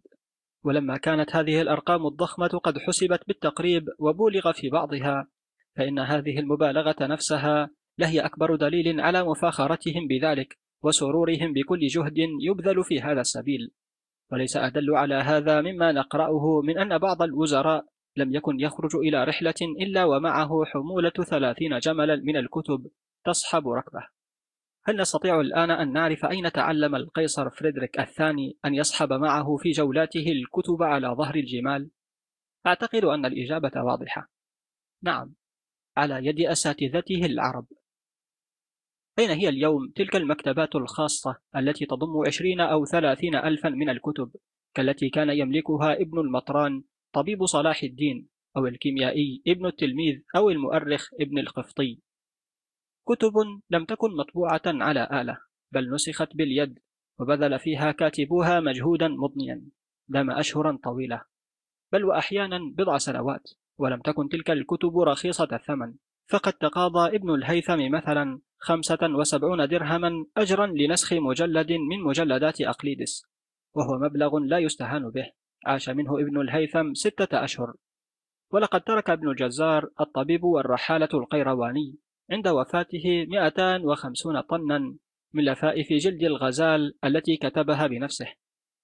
ويحكى أن طبيبا آخر ولم يكن أحد في ذلك العصر يشك في صدق هذه الرواية لم يستطع أن يقبل دعوة سلطان بخارى لزيارة قصره لأنه كان مشغولا بتحميل أربعمائة جمل لنقل مكتبته التي بلغ وزن كتبها عشرة آلاف كيلوغرام إلى مسكنه الجديد. وعرف الناس عند وفاة أحد العلماء أنه قد ترك 600 صندوق متخم بالكتب في كل فروع العلم وأن كل صندوق منها بلغ من الثقل حدا جعل عددا من الرجال يعجزون عن نقله إلى خارج المنزل. ورب إنسان يقول إن هذا ليس بالشيء العجيب الذي يسترعي الانتباه ويحتاج فيه الكاتب كل هذا الاستطراد في الوصف والتأكيد بالتكرار. فلقد وجدت في كل عصر من العصور تلك الحفنة من العلماء التي تهتم بالكتب هذا الاهتمام وإن لم يكن بهذا القدر مثل العرب. لم يكن وقفا على حفنة من العلماء فقط بل كان هواية العرب على اختلاف طبقاتهم. فكل متعلم من أكبر كبراء الدولة إلى بائع الفحم. ومن قاضي المدينة إلى مؤذن المسجد. هو زبون دائم عند بائع الكتب. إن متوسط ما كانت تحتويه مكتبة خاصة لعربي في القرن العاشر. كان أكثر مما تحويه كل مكتبات الغرب مجتمعة. لم يكن المرء ليحسب من الأثرياء ما لم يكن يملك مجموعة من الكتب النفيسة النادرة. وقد روى الحضرمي حادثا طريفا أغضبه. وقع له في سوق باعة الكتب. قال أقمت مرة بقرطبة ولازمت سوق كتبها مدة أترقب فيه وقوع كتاب كان لي بطلبه اعتناء إلى أن وقع وهو بخط جيد. ففرحت به أشد الفرح وجعلت أزيد في ثمنه. فيرجع إلي المنادي بالزيادة علي إلى أن بلغ فوق حده فقلت له يا هذا أرني من يزيد في هذا الكتاب حتى بلغه إلى ما لا يساوي. قال فأراني شخصا عليه لباس رياسة. فدنوت منه وقلت له أعز الله سيدنا إن كان لك غرض في هذا الكتاب تركته لك فقد بلغت به الزيادة بيننا فوق حده. فقال لي لا أدري ما فيه ولكن أقمت خزانة كتب واحتفلت فيها لأتجمل بها بين أعيان البلد وبقي فيها موضوع يسع هذا الكتاب. فلما رأيته حسن الخط جيد التجليد استحسنته ولم أبالي بما أزيد فيه. والحمد لله على ما أنعم به من الرزق فهو كثير. فقلت لنفسي نعم إن أمثال هذا الرجل يملكون ثمن الغالي من الكتب. لك حكمتك يا ربي تعطي البندق لمن لا نواجذ له. ولما كان عدد أصحاء الأسنان يتزايد فقد ظلت أسعار الكتب على ارتفاعها. لا لعام أو عشرة بل لمئات السنين ودفعت ثمنا للكتب كل عام ملايين وملايين. فلقد خصصت مكتبة نظامية وهي المدرسة العليا الشهيرة ببغداد. سنويا ما يعادل مليونا ونصفا من الفرنكات الذهبية لشراء الكتب والمخطوطات. وفتحت اللهفة على اقتناء الكتب الباب أمام مئات الألوف من البشر لكسب عيشهم. فأصبح النساخ والخطاطون فنانين مهارة في فنهم. ووظفت كل مكتبة أو متجر للكتب عددا من هؤلاء. وكان أغلبهم من الطلبة أو أنصاف المتعلمين. الذين أرادوا عن هذه الطريق كسب رزقهم وانتشر منتجو الورق بطواحينهم في سمرقند وبغداد ودمشق وطرابلس وفي فلسطين والأندلس. وتبعهم المجلدون متأثرين بفن التجليد الصيني يعدون غلافات رائعة للكتب. وكم رزم من الأوراق ولترات من الحبر صنعت من السناج والصمغ العربي استهلكتها الأيدي الدائبة على الكتابة في كل عام. وكم من جلود أمدتهم بها صغار الغزلان والماعز قد استنفدت في هذا الغرض وهكذا أصبحت تجارة الكتب تماما كالصيدلة. هدية قدمها العرب للبشرية. والواقع أن تاجر الكتب لم يعرف كوسيط لنقل الثقافة. ومتاجر الكتب كمراكز للثقافة في المدينة قبل أن يفعل العرب ذلك؟ ففي سوق الكتب عند بوابة البصرة ببغداد التي كانت تضم أكثر من مئة متجر كان المتعلمون من كل أنحاء العالم الإسلامي يجتمعون. هنا يفتش الفيلسوف والشاعر والفلكي عما صدر حديثا من الكتب وهناك ينقب الطبيب والمؤرخ وجامع الكتب عن النسخ القديمة. وهنا وهنالك يتناقشون جميعا ويتبادلون المعرفة أو تقرأ عليهم برمتهم مقتطفات مما كتب. وحوالي عام ألف ميلادي يصدر كتاب بعنوان تبادل الأفكار يحوي 106 مناقشات دارت بين العلماء بعضها في منزل فيلسوف عربي وبعضها في حوانيت تجار الكتب. وهنا في هذه الحوانيت استقبل ابن النديم زبائنه وتعرف بهم وكان ابن النديم تاجرا للكتب وكان هو نفسه عالما فذا له شهرته. وهو مؤلف الفهرست. الذي يحوي أسماء جميع الكتب والترجمات التي ظهرت باللغة العربية حتى ذلك الحين. وقد ذيل اسم كل كتاب بشيء عن مؤلفه. وكان أغلب ما كتبه عن المؤلفين ولد خبرته ومعرفته الشخصية بهم كتاجر للكتب. ويبدأ ابن نديم كتابه بمقدمة رائعة تنم عن فهم عميق لمهمة إخراج الكتب عما يجب أن تراه دور النشر في كل عصر. فيكتب النفوس أطال الله بقاءك تشرئب إلى النتائج دون المقدمات وترتاح إلى الغرض المقصود دون التطويل في العبارات. فلذلك اقتصرنا على هذه الكلمات في صدر كتابنا هذا. إذا كانت دالة على ما قصدناه في تأليفه إن شاء الله. وكان ابن النديم كأغلبية زملائه من تجار الكتب قد تلقى تربية علمية واسعة. فسمع محاضرات الأعلام من فلاسفة عصره وزار منازلهم وتعرف بالأوساط العلمية التي انتشرت على شكل جماعات ومدارس في كل الأنحاء العربية خلال القرن العاشر. وكان ابن النديم صديقا مقربا لعلي بن عيسى أشهر أطباء العيون في العصور الوسطى ولغيره من أئمة العلماء الذين كان يقضي معهم السهرات الطوال في المناقشات العلمية المثمرة. ولم يكن هذا الرجل المثقف تلك الثقافة العالية إلا نموذجا للكثيرين من زملائه ناشري العلم والمعرفة في تلك العصور. وعرف الناس قوما آخرين سموا بالدلالين كانت مهمتهم بيع النادر من الكتب وشراءها. فكانوا يجوبون المدن ويزورون كل تاجر للبحث عن النادر منها وللاطلاع على آخر ما أنتجه الفكر العربي تأليفا وترجمة. فكانوا بذلك همزة الوصل بين تجار الكتب في العالم العربي. ولقد سافر أحد هؤلاء الدلالين من بغداد إلى القاهرة ليشتري من مصر النادر من الكتب وكان قد سمع بأخبار طبيبها الشهير إبراهيم بن الصوفان الذي كان يوظف عددا من النساخ ويشرف عليهم حتى صار له كنز من الكتب الطبية وغيرها. وعن طريق وساطة الأصدقاء استطاع هذا الدلال أن يوطد صلته بالطبيب بعد سهرات طويلة ومناقشات دامت طوال الليل. وقدم التاجر للطبيب عرضا مغريا لشراء عشرة آلاف مجلد من كتبه. وقرر الطبيب الموافقة على ذلك العرض. ولكن أخبار تلك الصفقة وصلت إلى آذان الوزير الأفضل. وكان الأفضل من عشاق العلم الذين يقدرون قيمته وقدسيته. فثارت فيه نزعة وطنية لإقليمه مصر واستدعى إبراهيم وأقنعه بوجهة نظره في ضرورة المحافظة على تلك الكتب لبلده ودفع الوزير من ماله الخاص المبلغ الذي كان التاجر العراقي قد عرضه ثمنا لتلك الكتب. وبذلك ضاعت مجهودات التاجر العراقي التي بذلها في سفره واتصالاته. ولذلك يكتب ابن أبي أصيبعة بعد مئة عام من هذا الحدث لذلك وجدت هناك عددا من الكتب الطبية والأبحاث القيمة التي تحمل اسم إبراهيم علاوة على اسم الأفضل.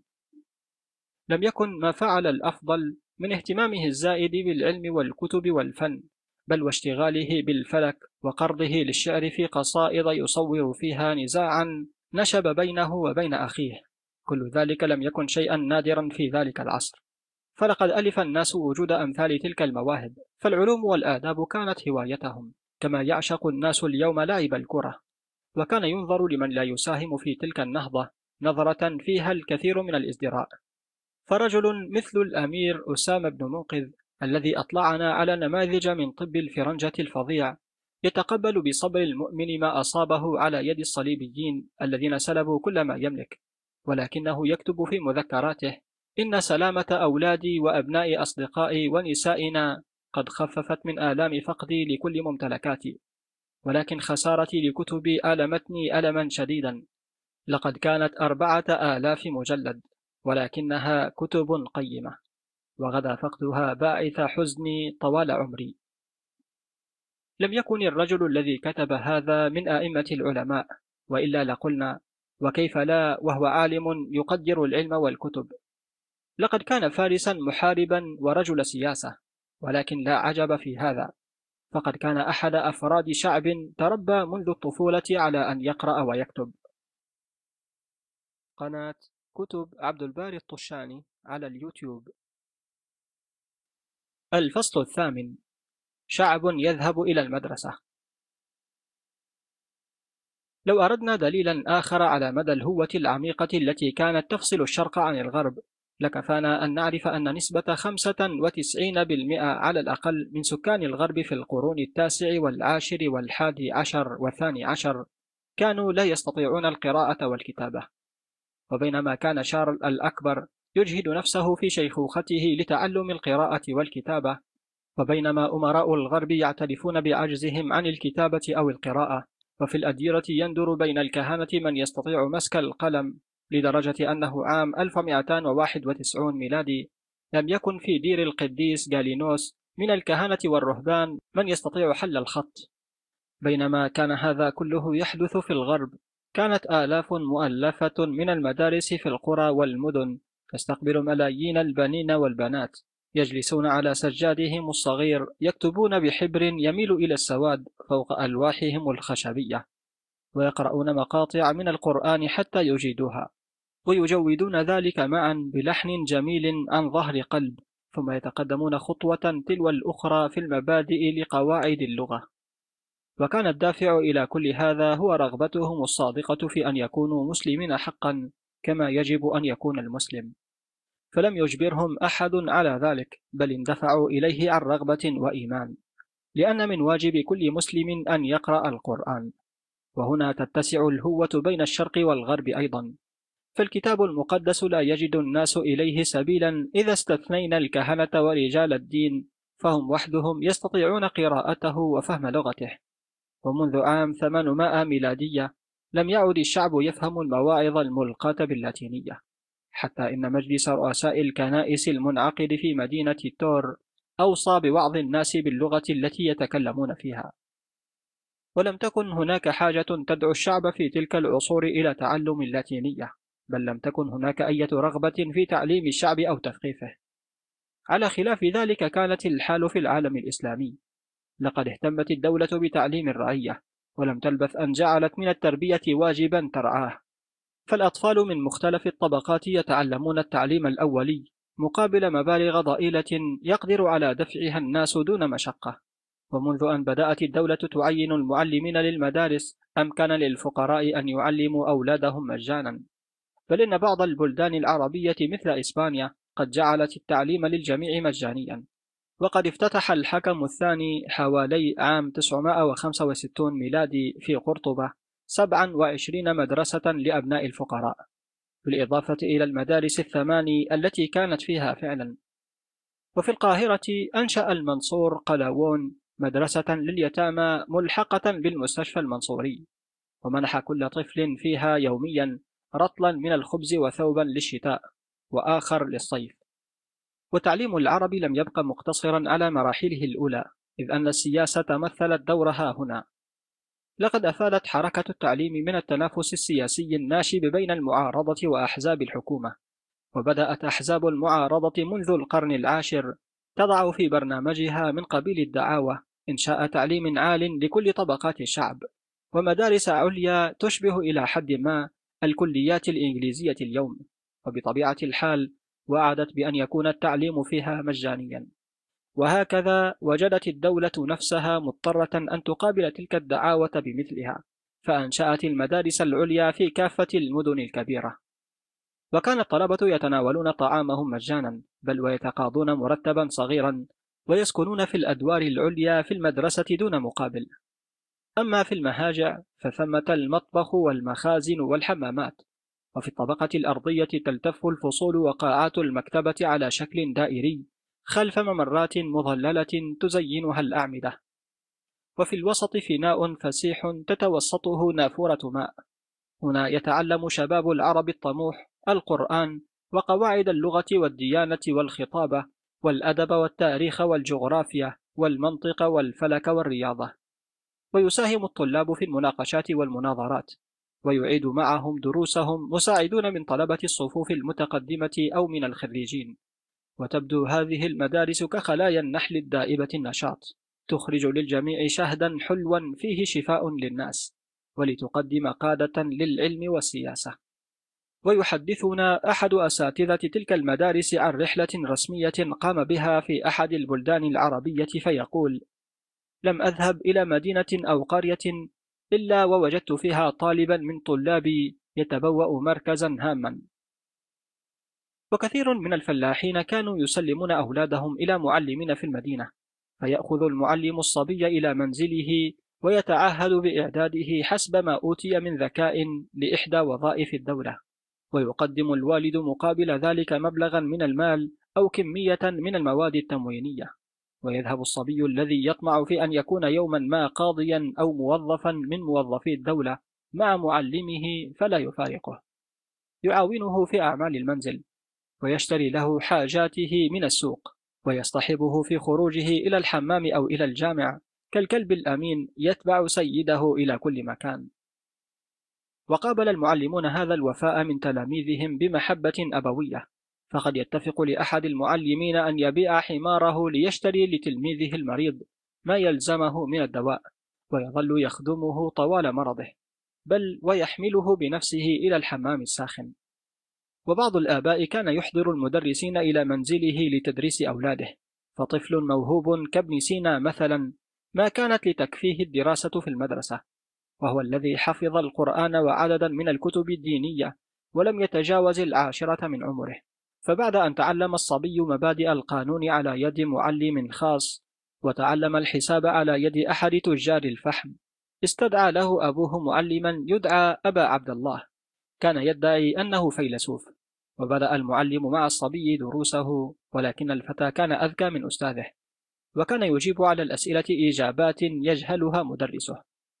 وعندما بدأ معا في دراسة المنطق ظهر لابن سينا جليا أن المدرس لا يفقه منه شيئا. وشرع ابن سينا يدرس على نفسه بمعاونة الكتب فقرأ لإقليدس بمفرده بعد أن شرح له مدرسه خمس قواعد أو ستا. وعندما بدأ ابن سينا دراسة الهندسة قال له أبو عبد الله إنك تستطيع الآن أن تقرأ بنفسك هذا الكتاب وتشرح لي ما تستوعبه لأصحح لك. ولكن هذه المهزلة لم تدن طويلا. فقد غادر أبو عبد الله بخارى وهنا تحول ابن سينا بحماسة إلى دراسة الطبيعة ثم الطب تحت إشراف عيسى بن يحيى. وعلى الرغم من أنه قرأ أصعب الكتب فقد قال إن دراسة الطب إن هي إلا دراسة يسيرة تعلمتها في مدة وجيزة لقد كان ابن سينا حين ذاك في السادسة عشرة من عمره فتجول عاما ونصف العام ليزيد من علمه. خاصة في المنطق وفروع الفلسفة المختلفة. وفي هذه الأثناء عالج سلطان بخارى الذي استدعاه لعلاجه بناء على مشورة كبار أطبائه. وأكمل ابن سينا دراسته في مكتبة القصر وفي المستشفيات. وأتم تعلمه نهائيا وهو في الثامنة عشرة. وكان هذا هو الطريق الفذ الذي سلكته عقلية فذة. أما الطريق الذي يسلكه الراغب في تعلم فرع معين من العلوم والذي يرغب الطالب أن يقوم هو بتدريسه يوما من الأيام فكان يبدأ في المساجد فلم تكن المساجد مجرد أماكن تؤدى فيها الصلوات فحسب بل كانت منبرا للعلوم والمعارف كما ارتفعت فيها كلمات الرسول فوق مجد التدين الأعمى. ألم يقل الرسول محمد صلى الله عليه وسلم أقوالا كان يكفي لأن يقولها في روما حتى يحاكم عليها بتهمة الهرطقة؟ أوليس هو القائل بأن حبر الطالب أقدس من دم الشهيد؟ أو مداد العلماء أفضل من دم الشهداء؟ وهذا حديث ضعيف. وحول أعمدة الجامع كان يجلس الأستاذ ويلتف حوله طلبة. حلقة أبوابها مفتوحة لمن يشاء. رجلا كان أم امرأة. ولكل ألحق في سؤال الأستاذ أو مقاطعته معارضا.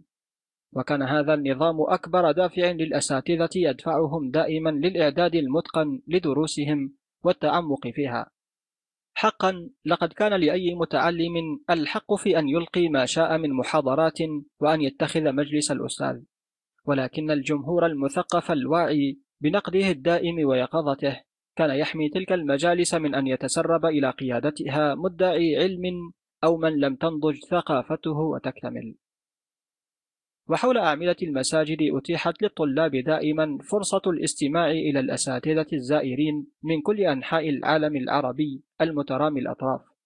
فلقد كان المتعلمون في طريقهم السنوي إلى مكة لأداء فريضة الحج يغتنمون الفريضة فيزورون مراكز الثقافة الإسلامية الواقعة على مقربة من طريقهم فيستمعون لكبار الأساتذة في دمشق أو في بغداد.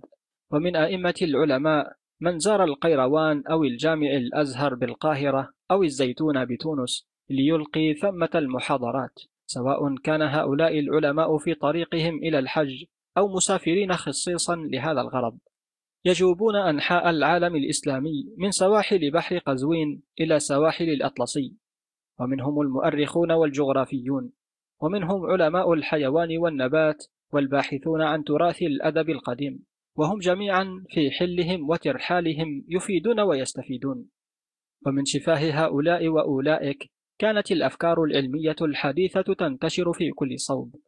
فما يدر اليوم في البصرة أو في بغداد تحمله إلى القاهرة أو قرطبة غدا الأنباء حين لم يكن هناك صحف أو بريد. وكم كان من السهل أثناء نقل مثل تلك الأخبار من فم لآخر أن تسرق النظريات والاكتشافات. ولكن الأمانة العلمية الحق منعت هذا. فكان مألوفا أن نسمع من أستاذ علامة يحيى ابن عيسى أخبرني أنه سمع من أبي بكر البغدادي كيف شرح سعيد بن ياقوت في إحدى محاضراته أن فلم يكن العربي يرضى أن يحرق فمه بأفكار سرقها عن غيره فمن يرغب من المعلمين أن يحاضر عن كتاب لغيره وجب عليه أن يحصل أولا على إجازة من مؤلف هذا الكتاب ولم يكن لأحد أن يأخذ آراء أستاذه التي ألقاها شفويا في إحدى محاضراته ليدرسها لتلاميذه دون أن يستأذن أستاذه صاحب الرأي نفسه. وكان راوي الشعر مثلا تلميذا للشاعر ينقل عنه أشعاره بموافقته واختياره كما كانت الحال في الجاهلية. ويقول الطلبة عن أستاذهم الكريم الذي يمنحهم تصاريح بنقل إنتاجه العلمي إنه قد غمر الأرض بشهود على عبقريته. ذلك أن من يحصل على هذا الإذن يملك حق تدريس ما صرح له به وبذلك كان حفظ حق المؤلف مرعيا مقدسا. ورثته الجامعات الغربية عن المدارس العربية العليا. لقد قدم العرب بجامعاتهم التي بدأت تزدهر منذ القرن التاسع والتي جذبت إليها منذ عهد البابا سيلفستروس الثاني عددا من الغربيين من جانبي جبال البرانس ظل يتزايد حتى صار تيارا فكريا دائما فقدم العرب بها للغرب نموذجا حيا لإعداد المتعلمين لمهن الحياة العامة وللبحث العلمي. لقد قدمت تلك الجامعات بدرجاتها العلمية وتقسيمها إلى كليات واهتمامها بطرق التدريس للغرب أروع الأمثال. ولم تقدم هذا المظهر فقط بل وفرت له كذلك اللباب مادة الدراسة. الفصل التاسع هدايا العرب للغرب. ما هي المادة التي قدمتها تلك الجامعات للغرب؟ إنها دون شك الثقافة الإغريقية. لقد اعترف الجميع للعرب بفضلهم في إيصال أعمال الفلاسفة والعلماء القدماء. وآثارهم للعالم الحديث. وبهذا الثناء الجزئي الذي يهمل الدور الكبير الذي قام به العرب في تأسيس العلوم والثقافة الغربية قد تخلص المؤرخون الغربيون حتى اليوم من واجبهم تجاه هذا العمل العظيم. فبينما هم يربتون على كتف العرب شاكرين لهم تلك الوساطة في نقل الحضارات القديمة للغرب نجدهم يرتكبون ظلما صارخا بسكوتهم عن أفضال العرب الأخرى. لقد كان الإغريق والهنود وسطاء أيضا في نقل الحضارات وتلك الوساطة لا تعيب الحضارات في شيء. وكان طاليس وفيثاغورس ورثة للمصريين والبابليين نقلا عنهم ما خلفوه من قواعد في الرياضيات والفلك فهما وريثان لحضارات الشرق القديم وهما أيضا وسيطان في نقل تلك الحضارات تماما كما كان العرب ورثة ووسطاء لحضارة الإغريق وحضارة الشرق القديم. وكما كان الغرب وريثا لحضارة العرب والحضارات القديمة. من البديهي أن كل عصر يتناول معرفة الأسلاف وعلومهم ولكن هذه المعرفة وتلك العلوم إذا وقعت بين أيد مبتكرة خلاقة فإنها تصنع منها شيئا جديدا حسب ظروفها. فأينما ذهبت كان الفكر الإغريقي بطابعه الخاص يرفرف خفيفا على الخصوصيات ليصل إلى العموميات. وفوق شوارع عالم الواقع المتربة لينقي نفسه وليصل إلى التأمل العقلي للفكرة المجردة. وطبعه هذا بطابع خاص وصل به إلى الكمال. فالحضارات المصرية والبابلية والإغريقية كلها حضارات عقلية. ولكن لكل منها طابعها المعين وشخصيتها المميزة تماما كما للحضارة العربية أو للحضارة الغربية فيما بعد. لمفكري كل منها طابعهم الأصيل الذي يميزهم تماما عن غيرهم ويظلم تلك الحضارات من يقيس إحداها بمقياس الأخرى. فإذا كان الفكر اليوناني قد اتجه إلى التأمل الموهوب في كينونة الأشياء وترك بذلك طريق الخبرة المضني ولم يعر عمل العبيد في أرض السيد مثلا أي اعتبار وتطلع مباشرة إلى القوانين والأفكار العامة. إذا كان قد فعل كل ذلك فقد ضمن لنفسه بهذا الوصول إلى ذروته وخلوده. أوليس من الخطأ أن نتهمه بإهماله للملاحظة والتجربة؟ إنه لمن الطبيعي أن الإغريق قد لاحظوا وأجروا التجارب هنا وهناك. ومن الطبيعي كذلك أن أرسطاليس قد بذل جهده في التعرف على الجزئيات ولكن هذا لم يغير من تركيب الحضارة الإغريقية شيئا. فالعلوم الإغريقية من طب وطبيعة وكيمياء وحيوان ونبات بقيت كلها فلسفية وبذلك حافظت على طابعها الإغريقي. لقد شقت الحضارة الإغريقية لنفسها طريقا يخالف الحضارتين العربية والغربية. وبالنظرة العادلة نفسها نقول أوليس من الخطأ أن نقيس الحضارة العربية بمقياس الحضارة الإغريقية ذاته وأن نتهمها كما هي الحال حتى الآن بنقص فلسفتها العالمية أو أن نصمها بأنها محاكاة للحضارة الهيلينية. إن الحضارة العربية المبتكرة لم تأخذ عن الحضارة الإغريقية أو الحضارة الهندية إلا بقدر ما أخذ طاليس أو فيثاغورس من الحضارتين البابلية والمصرية. لقد طور العرب بتجاربهم وأبحاثهم العلمية ما أخذوه من مادة خام عن الإغريق وشكلوه تشكيلا جديدا. فالعرب في الواقع هم الذين ابتدعوا طريقة البحث العلمي الحق القائم على التجربة. لقد سرت بين العلماء الإغريق الذين لم يكونوا جميعا بالإغريقيين بل كان أغلبهم من أصل شرقي. سرت بينهم رغبة في البحث الحق وملاحظة الجزئيات ولكنهم تقيدوا دائما بسيطرة الآراء النظرية. ولم يبدأ البحث العلمي الحق القائم على الملاحظة والتجربة إلا عند العرب. فعندهم فقط بدأ البحث الدائب الذي يمكن الاعتماد عليه يتدرج من الجزئيات إلى الكليات وأصبح منهج الاستنتاج هو الطريقة العلمية السليمة للباحثين. وبرزت الحقائق العلمية كثمرة للمجهودات المضنية في القياس والملاحظة بصبر لا يعرف الملل. وبالتجارب العلمية الدقيقة التي لا تحصى اختبر العرب النظريات والقواعد والآراء العلمية مرارا وتكرارا. فأثبتوا صحة الصحيح منها وعدلوا الخطأ في بعضها ووضعوا بديلا للخاطئ منها متمتعين في ذلك بحرية كاملة في الفكر والبحث. وكان شعارهم في أبحاثهم الشك هو أول شروط المعرفة. تلك هي الكلمات التي عرفها الغرب بعدهم بثمانية قرون طوال. وعلى هذا الأساس العلمي سار العرب في العلوم الطبيعية شوطا كبيرا. أثر فيما بعد بطريق غير مباشر على مفكري الغرب وعلمائه أمثال روجل باكون وماغنوس وفيتيليو وليوناردو دافنشي وغاليليو. إن العرب لم ينقذوا الحضارة الإغريقية من الزوال ونظموها ورتبوها ثم أهدوها إلى الغرب فحسب. إنهم مؤسسو الطرق التجريبية في الكيمياء والطبيعة والحساب والجبر والجيولوجيا وحساب المثلثات وعلم الاجتماع. وبالإضافة إلى عدد لا يحصى من الاكتشافات والاختراعات الفردية في مختلف فروع العلوم والتي سرق أغلبها ونسب لآخرين. قدم العرب أثمن هدية وهي طريقة البحث العلمي الصحيح التي مهدت أمام الغرب طريقه لمعرفة أسرار الطبيعة وتسلطه عليها اليوم. ولعل أبرز رجال الغرب الأوائل الذين بهرتهم حضارة العرب ولم يخجلوا من الارتباط بهم هو القيصر الصقلي فريدريك الثاني أحد القياصرة الأعلام في التاريخ. تمت بحمد الله قراءة الكتاب الخامس من كتاب شمس العرب تسطع على الغرب للمستشرقة الألمانية زيغريد هانكا بعنوان سلاح المعرفة. قرأه عليكم عبد الباري الطشاني استمع أيضا لإحدى الكتب الظاهرة أمامك على الشاشة ولا تنسى الاشتراك في القناة لمتابعة الجديد.